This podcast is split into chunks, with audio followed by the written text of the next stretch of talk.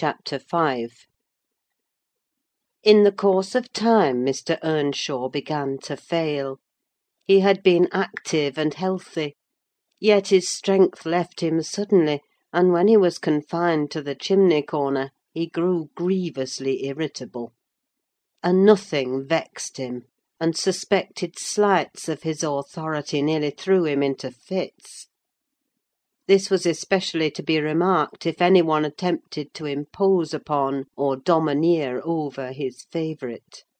He was painfully jealous lest a word should be spoken amiss to him; seeming to have got into his head the notion that, because he liked Heathcliff, all hated and longed to do him an ill turn. It was a disadvantage to the lad, for the kinder among us did not wish to fret the master, so we humoured his partiality; and that humouring was rich nourishment to the child's pride and black tempers. Still it became, in a manner, necessary: twice or thrice Hindley's manifestation of scorn, while his father was near, roused the old man to a fury. He seized his stick to strike him, and shook with rage that he could not do it.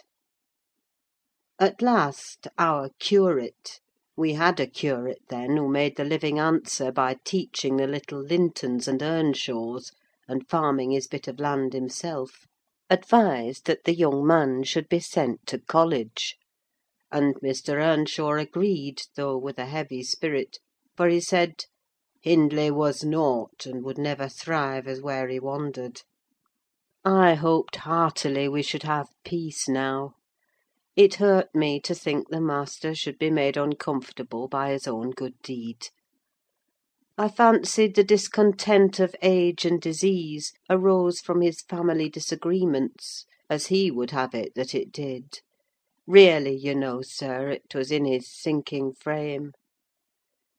We might have got on tolerably, notwithstanding, but for two people—Miss Cathy and Joseph, the servant.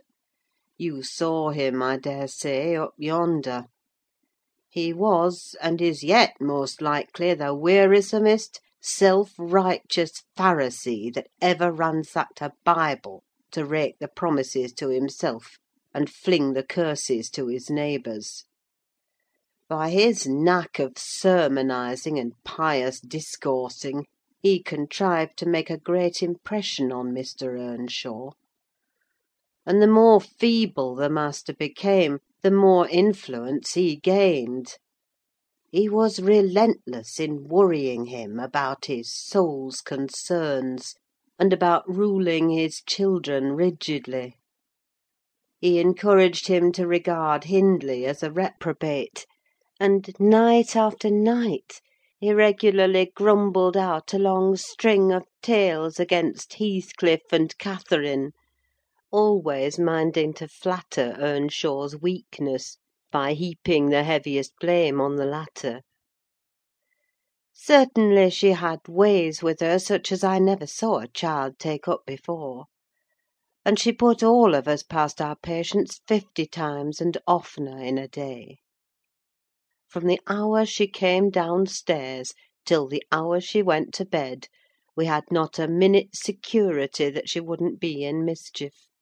Her spirits were always at high water mark, her tongue always going, singing, laughing, and plaguing everybody who would not do the same: a wild, wicked slip she was; but she had the bonniest eye, the sweetest smile, and lightest foot in the parish; and, after all, I believe she meant no harm for when once she made you cry in good earnest, it seldom happened that she would not keep you company, and oblige you to be quiet that you might comfort her. She was much too fond of Heathcliff. The greatest punishment we could invent for her was to keep her separate from him. Yet she got chided more than any of us on his account. In play she liked exceedingly to act the little mistress, using her hands freely, and commanding her companions. She did so to me, but I would not bear slapping and ordering, and so I let her know. Now, Mr. Earnshaw did not understand jokes from his children. He had always been strict and grave with them; and Catherine, on her part, had no idea why her father should be crosser and less patient in his ailing condition than he was in his prime. His peevish reproofs wakened in her a naughty delight to provoke him. She was never so happy as when we were all scolding her at once, and she defying us with her bold, saucy look and her ready words; turning Joseph's religious curses into ridicule, baiting me, and doing just what her father hated most: showing how her pretended insolence, which he thought real, had more power over Heathcliff than his kindness how the boy would do her bidding in anything, and his only when it suited his own inclination. After behaving as badly as possible all day, she sometimes came fondling to make it up at night. "Nay, Cathy," the old man would say, "I cannot love thee: thou'rt worse than thy brother. Go say thy prayers, child, and ask God's pardon. I doubt thy mother and I must rue that we ever reared thee." That made her cry at first; and then, being repulsed continually, hardened her; and she laughed if I told her to say she was sorry for her faults, and begged to be forgiven.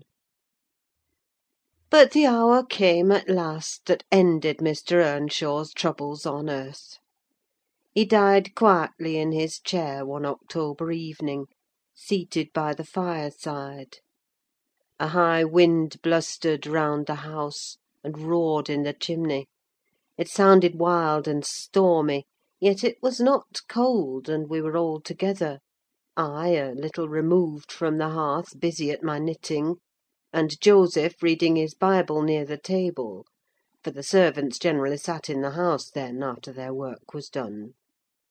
Miss Cathy had been sick, and that made her still. She leant against her father's knee, and Heathcliff was lying on the floor with his head in her lap. I remember the master, before he fell into a doze, stroking her bonny hair (it pleased him rarely to see her gentle), and saying, "Why canst thou not always be a good lass, Cathy?" and she turned her face up to his, and laughed, and answered, "Why cannot you always be a good man, father?" But as soon as she saw him vexed again, she kissed his hand, and said she would sing him to sleep. She began singing very low, till his fingers dropped from hers, and his head sank on his breast. Then I told her to hush, and not stir, for fear she would wake him. We all kept as mute as mice a full half hour, and should have done so longer, only Joseph, having finished his chapter, got up and said that he must rouse the master for prayers and bed. He stepped forward, and called him by name, and touched his shoulder, but he would not move; so he took the candle and looked at him. I thought there was something wrong, as he set down the light, and, seizing the children, each by an arm, whispered them to frame upstairs, and make little din: they might pray alone that evening; he had somewhat to do. "I shall bid father good night first," said Catherine, putting her arms round his neck before we could hinder her. The poor thing discovered her loss directly. She screamed out, "Oh, he's dead! Heathcliff, he's dead!" And they both set up a heart breaking cry. I joined my wail to theirs, loud and bitter; but Joseph asked what we could be thinking of, to roar in that way over a saint in heaven. He told me to put on my cloak and run to Gimmerton for the doctor and the parson. I could not guess the use that either would be of then. However, I went, through wind and rain, and brought one, the doctor, back with me: the other said he would come in the morning.